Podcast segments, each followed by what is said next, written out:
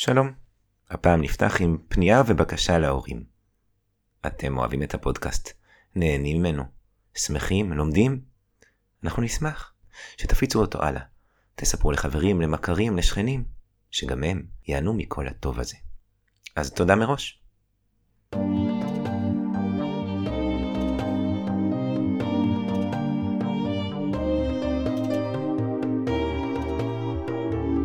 מעשה ונשמע. סיפורים מיוחדים, לא רק לילדים.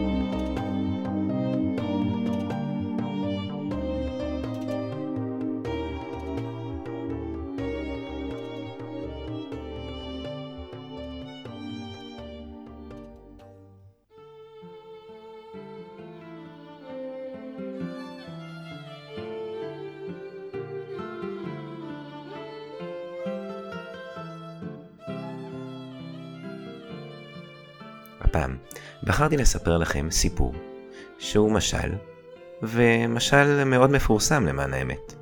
למה בחרתי לספר אותו?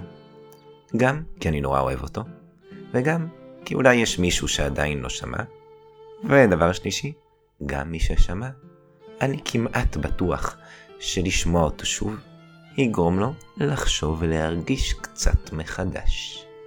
אז הנה אנחנו, מתחילים.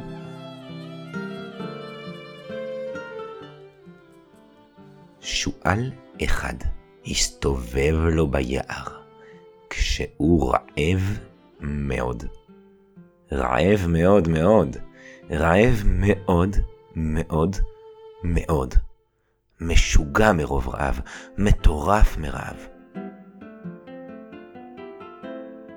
הדבר האחרון שהוא אכל היה לפני שלושה ימים, וגם זה הייתה איזו נבלה של ארנבת שטורף גדול ממנו השאיר ביער, ונשארו עליה כמה חתיכות בשר קטנות.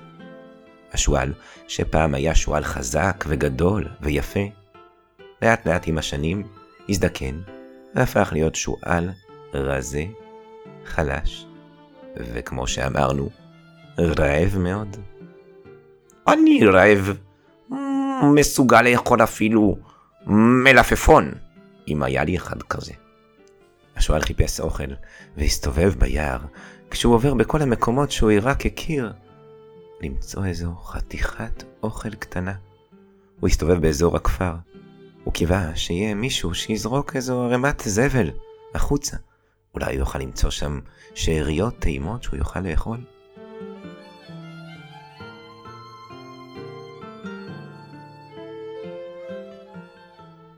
השועל הסתובב, והסתובב. ותוך כדי ההסתובבויות הוא קצת טעה בדרך, והלך למקום שהוא לא הכיר ולא היה בו מעולם. ולפתע, כמו מתוך חלום, נגלה לעיניו כרם ענבים.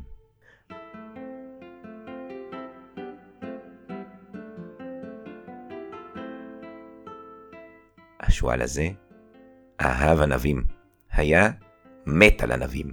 משוגע עליהם, מטורף. אני לא מאמין. ענבים! אמר השועל, ורץ לעבר הכרם.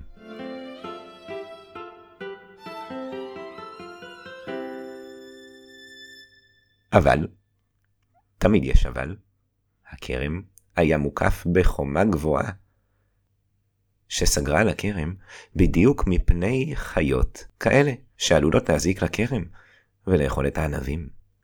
השועל הסתכל על הענבים מבעד החריצים, חריצי הגדר. הוא ראה את הענבים סגולים וגדולים, מלאים במיץ מתוק, וחיכה, וחלם להיכנס ולאכול מהם כבר. הוא הקיף את הגדר, והתחיל לתכנן תוכניות.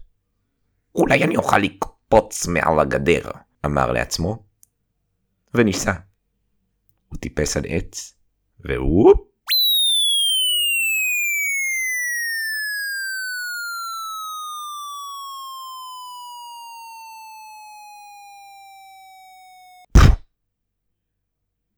הנחיתה הייתה כואבת, קשה ובכלל לא נעימה.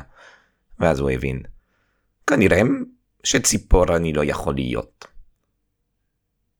אז הוא ניסה דרך אחרת. הוא הקיף שוב ושוב את הגדר, ניסה לחפש איזשהו חור, מקום שבו הוא יוכל להיכנס. ואז הוא מצא אותו. מאחורי אבן קטנה היה חור קטן עוד יותר. השועל דחף, דחק, לחץ, ולא הצליח להיכנס. לא הצליח. אבל הוא לא אמר נואש. הוא ניסה שוב. הוא מעך. הוא נלחץ. ועדיין, הוא לא הצליח להיכנס. ואז עלה לו רעיון. הרי כל הבעיה היא רק כמה סנטימטרים של אה, בטן. אז אני אעשה דיאטה. ובדיוק זה מה שהוא עשה. הוא ישב וחיכה.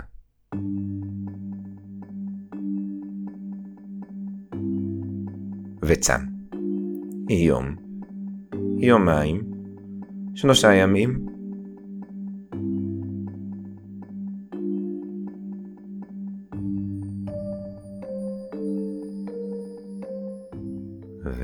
ואחרי שלושה ימים, הוא נכנס אל תוך החור, לחץ עוד קצת ו...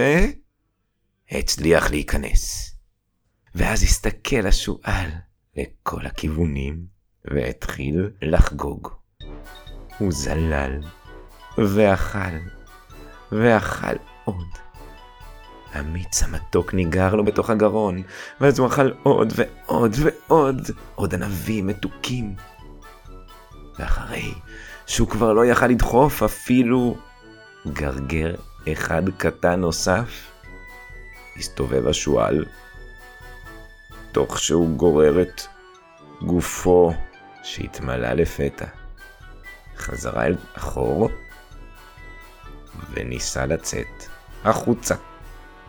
ואז הוא גילה שהוא לא יכול. למה? כי הוא קצת ישמין. אפילו די הרבה. הוא דחף עוד. אוח, אוי, אוי, אני לא מרגיש טוב. אני רק רוצה לצאת החוצה ולנוח קצת. אבל לא היה לו שום סיכוי. הוא היה מלא כמו בלון. אז הוא נשכב ליד החור, וחשב רגע, ואז הוא הבין. אם הוא נכנס אחרי שהוא צם שלושה ימים, אז הוא גם כנראה יוכל לצאת אחרי שהוא יצום שלושה ימים. הוא שכב ליד החור, וחיכה. יום. וחיכה יומיים. וחיכה שלושה ימים. ואחרי שלושה ימים הוא ניגש אל החור, לחץ, דחק, מחץ, והופ, יצא החוצה. אחרי שהוא יצא, הוא הסתובב אל הכרם. הוא הסתכל על הענבים הסגולים הגדולים והיפים, המתוקים, שניבטו אליו מבעד לחריצים, ואמר, כרם, כרם, אמנם אתה כל כך יפה, הענבים שלך כל כך מתוקים. אבל, כמו שנכנסתי רעב, ככה גם יצאתי. אז מה התועלת בך? והסתובב והלך.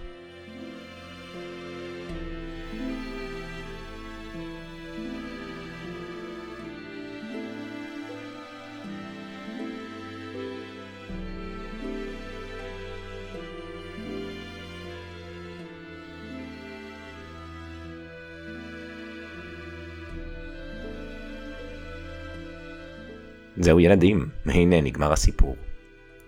מה אתם אומרים? מדהים, לא? אני חושב שלסיפור הזה יש נמשל נפלא ונהדר במיוחד. הנמשל של הסיפור הנפלא הזה הוא פשוט. הרבה פעמים יש דברים שנראים נפלאים, מתוקים ונהדרים, דברים שאנחנו פשוט מוכרחים לעשות. אבל אחרי שאנחנו עושים אותם, אנחנו מגלים שבעצם לא עשינו כלום. במעשה שלנו לא הייתה שום תועלת. ואם היינו קצת חושבים לפני כן, אז היינו מגלים שהיינו יכולים לראות את זה כבר מראש. אז הנה, לפעם הבאה, לחשוב קצת לפני שעושים. לראות באמת שמה שאנחנו עושים זה הדבר הנכון, האמיתי, ושבאמת תצמח ממנו תועלת גדולה, לנו ולעולם. להתראות. אנחנו שוב מזכירים את הבקשה שלנו מתחילת הפרק, להעביר את הפודקאסט ולשתף אותו עם אנשים אחרים, ואתם מוזמנים להמשיך ולהאזין לנו בכל אפליקציות הפודקאסטים השונות, באתר, וגם להירשם לרשימות התפוצה שלנו ולקבל עדכונים על כל פרק חדש שיוצא. כל טוב.